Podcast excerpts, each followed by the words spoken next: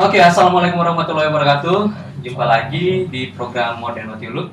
Di sini kita udah kedatangan tamu spesial, Irfan Arsandi. Selamat pagi Mas Ipe. Pagi, Mas Andi. Nah, di sini Mas Ipe jauh-jauh nih. Eh, Pak, namanya Irfan Arsandi, tapi panggilan akrabnya adalah Mas Ipe ya. Ya, Ipe. nama panggung nggak? Ipe? Nama panggung ya. Nama panggung. Oke, nah di sini Mas Ipe gue ajak ke sini untuk biasa sharing-sharing eh, tentang Mas Ipe sendiri atau tentang perjalanan WIT. ya, perjalanan itu boleh Nah mungkin kalau misalnya teman-teman belum tahu WIT itu apa selain waktu Indonesia bagian timur, tapi ada istilah lain di corporate yang dijalanin sama Mas Ipe. Nanti mungkin eh, akan banyak cerita tentang WIT dan pertemuan singkat kita antara WIT dan Interlook itu seperti apa, Boleh boleh. gitu ya. Oke Mas Ipe kita ngobrol santai aja di Siap, sini. santai. Gue pengen eh, ngenalin dulu nih, gitu Hmm. kan, eh, secara profiling singkat dari Mas Ipe. Boleh introduce yourself ke teman-teman semuanya di sini. Ya, jadi kalau IP itu nama biasanya orang yang sudah akrab, Hmm. Nama orang yang tahu kalau di dunia kerja. Kalau biasanya baru kenal biasanya tahunya Irfan ya. Hmm. Irfan Arsandi ini adalah eh, ya saya sendiri mendirikan WIT 10 tahun yang lalu. Di tahun 2000 berapa tuh? 2010. 10 ya? Berarti ini tahun ke-11 sebenarnya. Oke. Ini jalan tahun 2002 tahun ke-11, ulang tahun yang bulan Oktober ya sama kan ya. Hmm. Jadi uh, WIT ini dibangun dalam bentuk uh, IT consultant. IT consultant. IT consultant yang sifatnya adalah menghandling bisnis orang Hmm. dengan ngasih solusi teknologi, mengenhance banyak teknologi. Jadi misalnya bisnisnya rumah makan, kita enhance sampai teknologinya mungkin dari kasirnya, website-nya, dan segala macam. Kalau brand fashion jelas lah website, POS, apps, dan segala macam.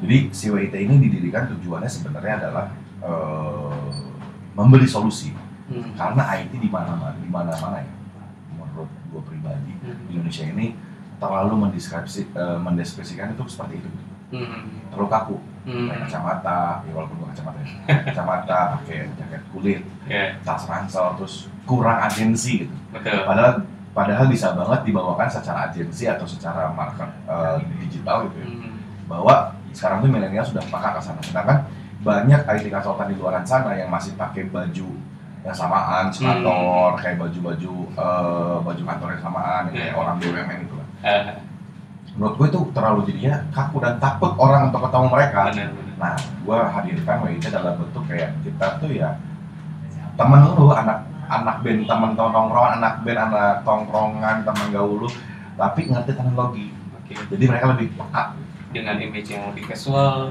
tapi maksudnya mengarah ke kebutuhan market tentang IT itu Ya, sendiri ya. betul. Oke. Nah sekarang kenapa sih milih IT sebagai bisnis model yang dijalanin gitu kan? Apakah ada latar belakang, keahlian dan segala macam? Kalau terbelakang jelas kalau gue pribadi karena gue dari kecil eh, kebetulan orang tua gue di dunia teknologi juga, Hmm. jadi gue terbiasa. Kebetulan waktu itu bokap gue sedang kerja di, di bidang teknologi waktu itu. Hmm. Udah dari kecil sampai saat ini gue sangat eh, fasih dengan yang bersifatnya teknologi. Yang kedua juga memang gue kuliahnya S1-nya IT, Oke. walaupun S2-nya enggak, S2-nya manajemen karena gue buat udah ngembangin bisnis IT kan. Yang ketiga, kebetulan banget gue melihat peluang di mana paling gampang nih peluang. Hmm. Di sekitar gue nggak ada orang yang ngerti IT, Hmm. yang ngerti teknologi secara spesifik. Oh berarti gue bisa jualan nih. Hmm. Kalau gue kayaknya kalau fashion tabrakan banyak ya.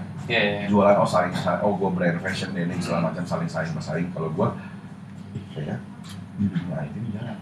Jarang. Wih, kayaknya coba deh gue coba jualan. Hmm. gue coba bikin sesuatu di waktu itu di masa gue kuliah terus gue ke tempat tongkrongan gue tempat tempat gue SMA nih loh gue punya brand IT kayak gini gini gini dan ternyata dari situ dari keisangan gue jualan IT dan dengan gue punya mulai sedikit ngumpul sama teman-teman jadi Oke, berarti industri apa pun, entah itu fashion, entah itu F&B, pasti tetap butuh IT ya. iya iya jelas karena apalagi dunia ini up dengan ini gue ngelihat apa ya Iya. kalau apalagi gue sangat kebetulan waktu itu gue berpikir 11 tahun lalu bahwa IT akan naik Hmm. saat ini kita fokus sama namanya di- digital transformation di mana Hmm. orang going to digital kayak Oke. orang tuh kaget shock sekarang sekolah digital Hmm. meeting online Hmm. semua harus daring daring ya bahasa sekarang tuh bahasa Indonesia daring ya Hmm. dari rumah gitu ke sekolah itu pun kan sebenarnya orang dulu menyiapkan itu 10-15 tahun ke depan Hmm. karena gara-gara ada, pandemik digital transformation ini ditutup cepat dipercepat ya dipercepat karena dipercepat ya alhamdulillah gue masuk di dalam iringan percepatan ini Hmm. ya jadinya tepat di tepat sasaran untuk gue bisnisnya adalah IT Oke, menarik menarik. Nah, ketika lo inisiat atau rintis WIT itu mulai dari tahun 2010 ya, Ya. itu lo berapa orang tuh? awalnya gue ber 24 orang 24 orang. ber 24 orang karena itu awalnya dari, dari tempat nongkrong karena kita nong- nongkrong di kaum minor- minoritas Hmm. minoritas itu maksudnya gue karena yang lain mungkin hobinya eh, hobinya kayak main Dota dan segala macam Hmm. ini teman-teman gue ber 24 hobinya futsal Oke, Main bola. 24 24-nya. Artinya main bola biasanya main bikin tim bola gitu, Nah. tim bola gede kalau nggak main futsal gitu kan. Hmm. Nah dari 24 ini tiba-tiba gua hmm, menginisiasi liburan Hmm. yuk ke Ciwidey gitu. Hmm. Pas lagi liburan ngobrol-ngobrol-ngobrol tahu gua udah pernah sedikit-sedikit jualan jualan IT sendiri. Gua spread the love kayak ke orang lain nih Hmm. jualan jualan yuk IT itu tuh 2010 awal terus akhirnya diobrolin diobrolin diobrolin dari situ 24 nya oke bikinlah WIT yang sampai sekarang ini yang masih ada 9 15 orang Secara posisi gimana tuh? Mulai dari 24 sampai 15 orang itu mereka sebagai apa tuh? Waktu itu selucu ini Pak Wandi jadi gua tuh terpilih sebagai CEO nya bukan berdasarkan knowledge gua karena bukan gua yang ngajak Hmm. berdasarkan gua hasil vote aja dan anak-anak waktu di CWD itu ngobrol Hmm. kalau ini mau bikin jadi perusahaan pasti harus ada sosok Pemimpin. pemimpin ya udah yuk Hmm. kita voting aja benar-benar di kertas di voting siapa lu siapa IP lu siapa bukan IP IP IP IP Hmm. pasti calculate gue paling banyak Oke. oh ya udah jadi gue gue memimpin 24 orang sampai 2013 akhirnya tinggal 15 15 nah sekarang gue jadi ada 47 orang Bandung 15 Jakarta sekarang malah gue lagi bikin sekolah road to 90 sampai 100 orang Oke. jadi menurut gua kayak dulu juga nggak nyangka gua bikin bikin kayak Hmm. gini cuman emang ternyata ya spirit dan soul gua dan mindset gua udah kepikir ke sana Oke. jadi diiringin ya enjoy aja Berarti nggak salah tuh ya, yang yang 24 orang eh, sebagian besar milih lo sebagai pemimpin sekarang bisa growth yang sangat luar biasa ya. alhamdulillahnya nggak. Menurut gua alhamdulillahnya tidak salah dan menurut gua alhamdulillah mereka support juga. Eh, jadi menurut gua percuma kalau gua bisa jadi pemimpin tapi nggak ada yang support. Benar. kalau ada- percuma juga ada yang support kalau yang mimpinnya nggak ada kan? Eh, jadi saling kalau gua kata gua yin yang yangnya harus ada. Ya, betul. Oke, berarti tadi balik lagi yang posisi 24 yang akhirnya jadi 15 eh, itu sebagai founder atau gimana? Jadi per- a- pertama kalau kita bisa bilang 24 24 nya founder. Oke. 24 24-nya founder ya. Yang akhirnya tang- ta- tahun 2013 92. 19 sisa 15. 15. Sampai saat ini masih 15. Mas foundernya 15. Luar biasa ya. Jadi Biasanya gue suka nulis ini, gue suka Eh. nulis nulis tag tagline gini. You have one alpha founder, ya. we got 15. Kayak lo punya founder lo hebat saat ini, gue Eh. 15 ayo. punya 15 ya. Ya, jadi kalau mau misalkan mau tarung-tarungan ide, gue 15 loh. Eh, Dan ya ini menarik nih gitu kan karena eh, dalam eh, mendevelop sebuah eh, apa ya usaha gitu ya bisnis itu kan kadang dua tiga orang aja kan eh, isi kepalanya beda-beda. Ya. Ini gimana nih bisa eh, semuanya bisa berjalan linier gitu kan punya visi yang sama dan lain-lain untuk eh, yang sekarang dengan misalnya 15 orang nih treatment gimana sih? Eh, treatmentnya kayak gue selalu bilang, Hmm. we, I'm not a superman, Hmm. but we are super team. Hmm. Lo masing-masing mau jadi jadi superman, Hmm. bisa dong bro. Hmm. kita mau jadi super team malah bisa Nah. kalau supermannya banyak malah berantem Hmm. jadi kita harus jadi super team jadi kayak gue bilang posisinya masing-masing gue kira memposisikan ini kayak main band Hmm. kayak ya ada personel mungkin gue vokalisnya Hmm. tapi ya gue bilang juga lo harus ada tim yang main drum yang main bass yang memang posisinya juga emang harus disamain Hmm. sesuai porsinya mereka Hmm. nah akhirnya terus akhirnya gue juga berpikir juga kalau di agama kita ya Pak Wandi ya di agama Islam gitu ya gue juga sedikit ke sana sedikit eh, ada spiritnya ke sana kalau kita kerja sendiri Hmm. atau kita ibadah sendiri pahalanya satu Ya, tapi kalau gue jamaah berjemaah ya. ya kan gue berjamaah gue bilang yang gue punya gue share Hmm. jadi kita berjamaah bareng-bareng akhirnya juga spread the love-nya juga tuh lebih cepat dan mereka tuh tidak ada kayak intensi kayak oh gue mau jadi CEO-nya gue mau jadi CEO-nya Hmm. karena di WIT itu per dua tahun sekali setiap RUPS gue nge-share mau ada yang ada yang mau diganti posisinya Hmm.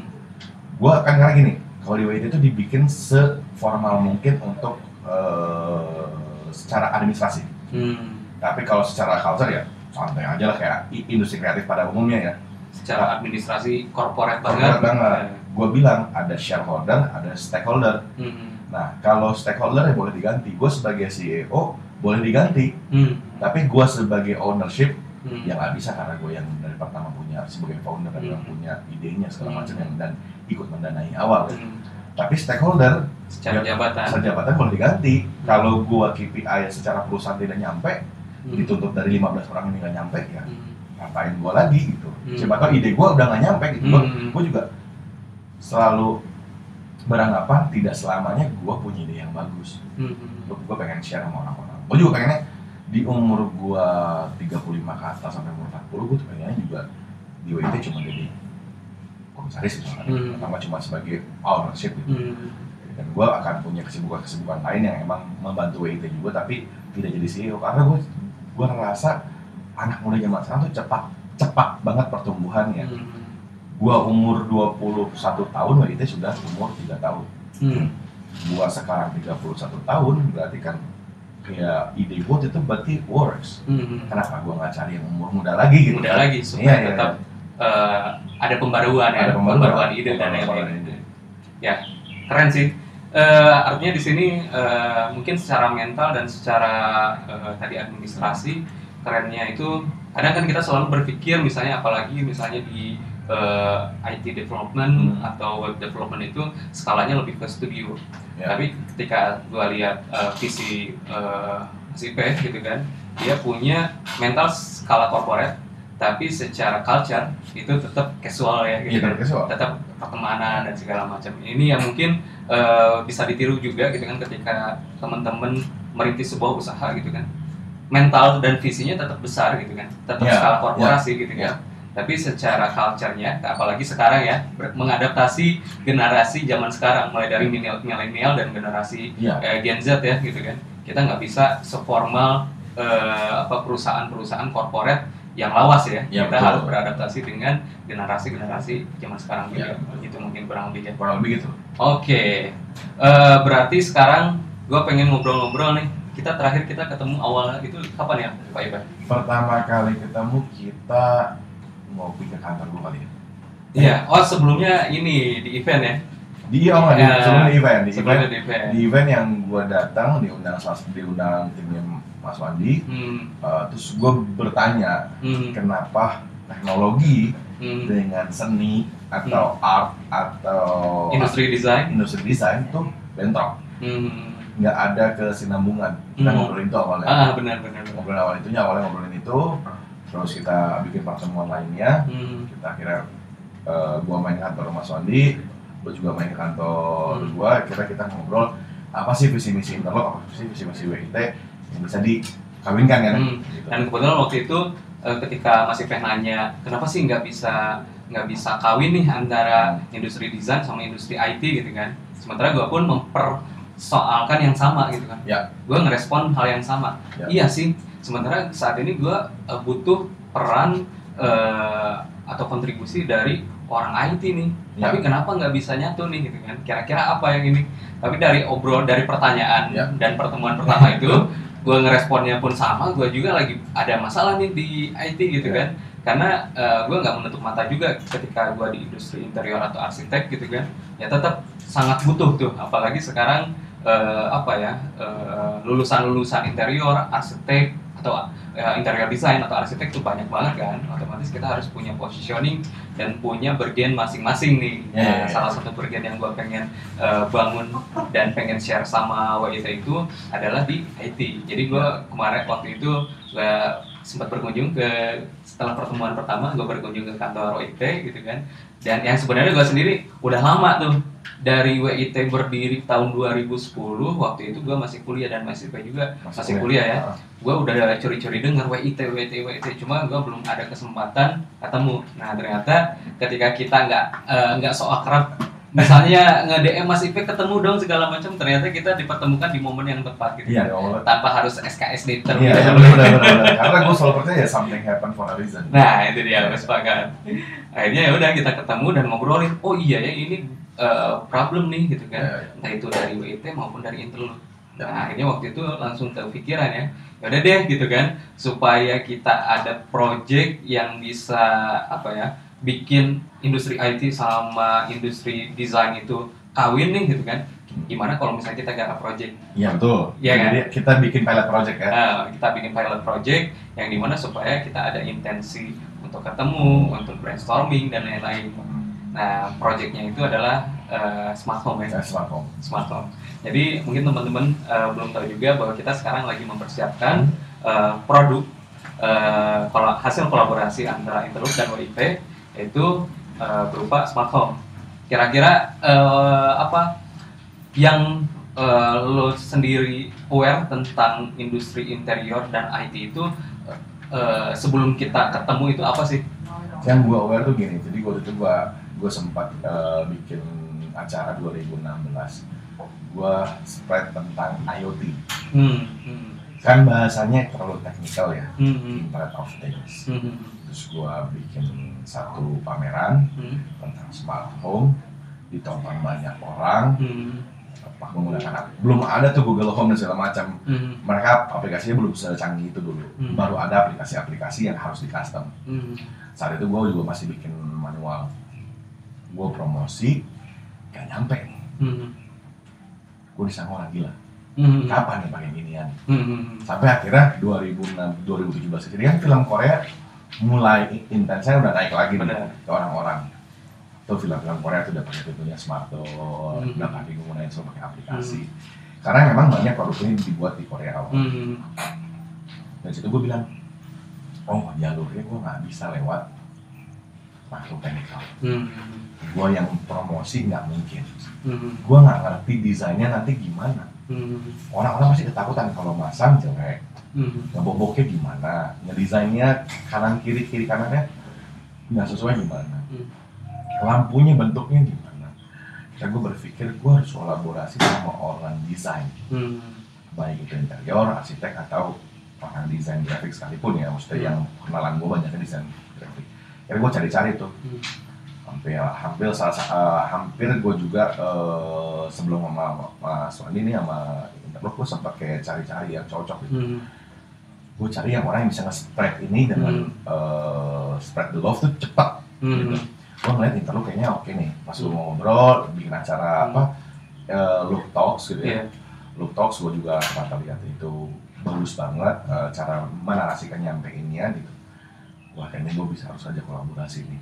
Karena dia bisa nge-spread the love gitu hmm, bahwa interior dan gaya bicaranya si Tanuk ini bukan kayak corporate ke corporate ke itu sih gitu. bukan Hmm. amat ke user tapi Hmm. interlocknya udah kayak human hmm, kayak untuk udah kayak brand udah kayak satu orang sebenarnya ya nggak tahu ya tahu ini dibalikin mungkin ya. ada orang yang memang ngerakin si interlock ini kayak manusia yang mengerti gitu iya, gimana kakak eh, interiornya ya apa yang disukain apa Hmm. itu eh, landscape apa itu ini gue liat hmm, Interlock tuh di sosial media mm, menggarisbawahi digital transformation juga bro. Hmm. Yang kata kakak yang kata itu gue bilang di awal, gue mau ke situ. Gitu. hmm, Akhirnya kita ngobrol cocokan, cocok. ngomongin itu. Akhirnya yuk kita coba yuk gitu. Hmm. Dan betul sepakat kalau itu berawal dari apa ya? Ide awal dari sisi Mas Ipe, kalau dari Interloop sendiri waktu itu berawal dari market share kita sebetulnya. Market share kita itu yang memang eh, didominasi sama Milenial. orang milenial atau pasangan muda. Pasangan muda yang secara produktivitas itu sangat tinggi gitu kan. Artinya pasangan muda suami istri yang memiliki kesibukan atau karir yang eh, sibuk banget gitu kan. Karir eh, yang sibuk banget hari-harinya. Artinya urusan rumah eh, itu tidak bisa mereka selesaikan eh, diwakil- diwakili oleh salah satu orangnya Iya, iya. tapi harus memang ada sistem yang menggantikan supaya mereka ketika sibuk bekerja mereka bisa ngerasa nyaman bisa ngerasa aman awalnya dari situ gitu kan. Baik sistem tata letak ataupun kenyamanan ya. betul. Akhirnya kan waktu itu eh, apa kegelisahan-kegelisahan dari si market share kita atau klien-klien kita kita coba respon.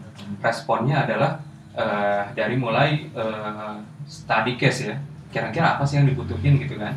Dari sa- sepasang suami istri ini yang mempunyai, mempunyai kesibukan yang tinggi gitu kan dan pengen uh, dapetin kenyamanan keamanan. Hmm. Kalau dari faktor keamanan mungkin sesimpel ketika dia punya anak gitu kan, tapi suami istrinya uh, harus tetap bekerja gitu kan untuk memantaunya seperti apa gitu Ya, ya, kan.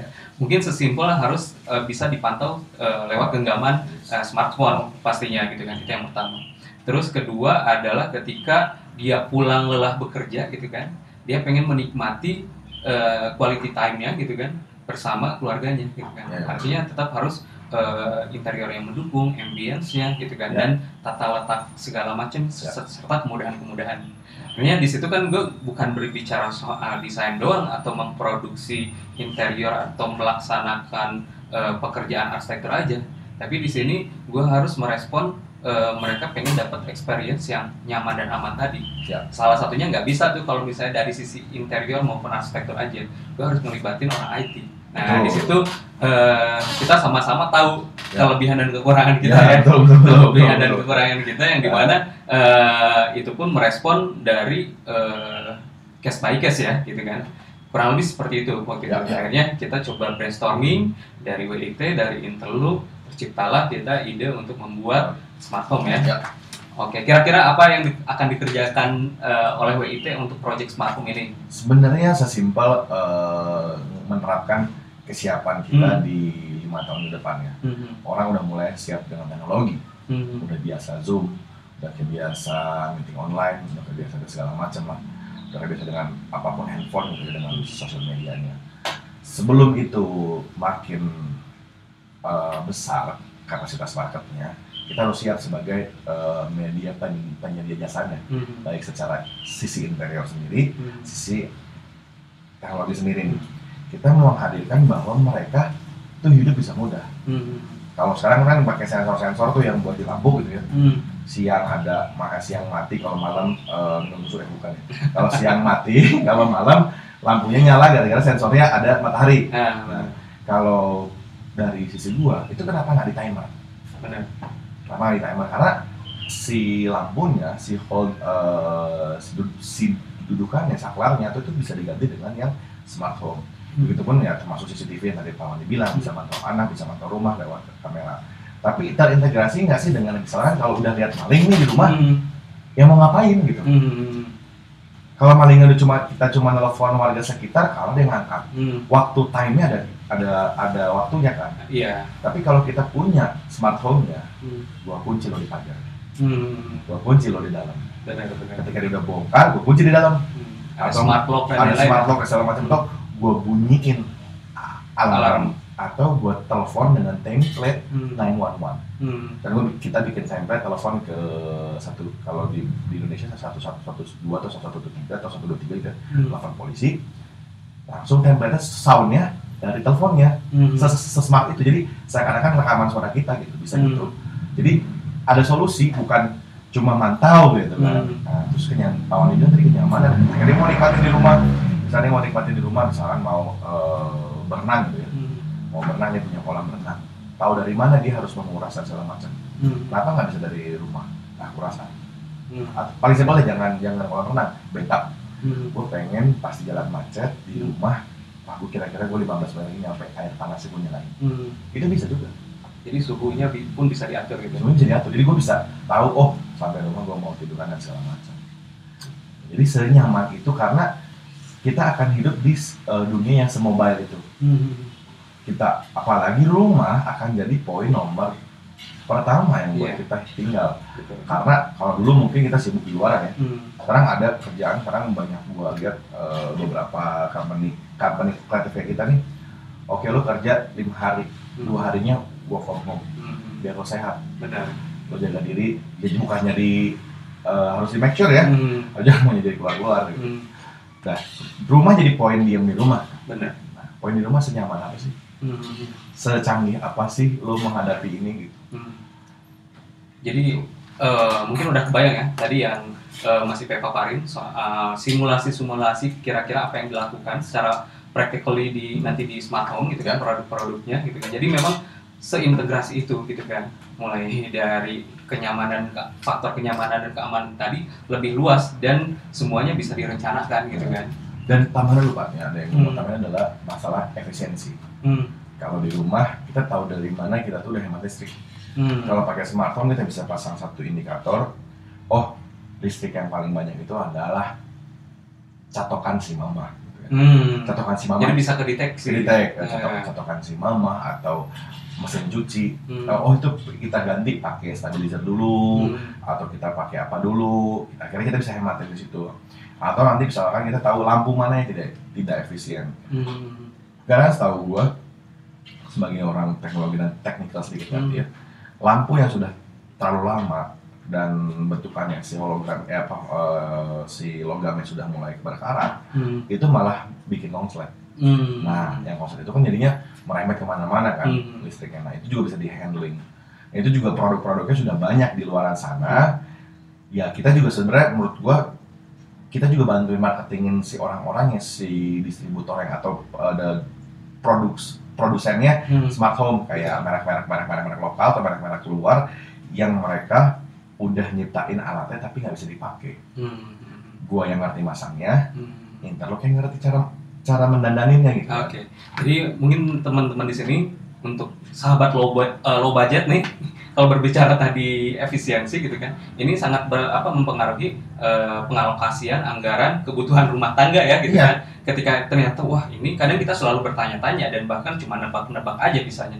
Kenapa bulan ini listrik mahal dan segala macam tanpa tahu eh, sumbernya dari mana sih Iya. gitu kan. Itu yang pertama. Terus kedua mungkin eh, produk yang kita jadikan proyek kolaborasi ini eh, bukan produk yang kita develop eh, sebuah produk yang baru, tapi kita integrasikan dari produk yang ada gitu kan, dan kita buat perencanaan eh, pengaplikasiannya, dan nanti Mas Ipe dari WIT bantu untuk menginteg- mengintegrasikannya gitu Iya, kan, betul. mulai dari kebutuhan eh, depan rumah sampai belakang rumah, depan eh, dalam sampai belakang rumah itu seperti apa Iya, gitu kan kita buat perencanaannya nanti Mas Ipe bantu untuk eh, mengintegrasikannya Ya. kurang lebih kayak gitu mungkin ya Ya. Mas Ipe Sebenarnya- ada gambaran. Sambil tujuannya mengedukasi sih. benar sambil men- mengedukasi bahwa teknologi ini tuh semudah eh, makanya kita punya tagline kan hmm. modern more easy iya like we play the game gitu nah, Hmm. pengennya kayak gitu sisi modern more easy hmm. kayak kita main game aja mudah benar nah sebelum orang itu main game itu mudah kan harus edukasi hmm.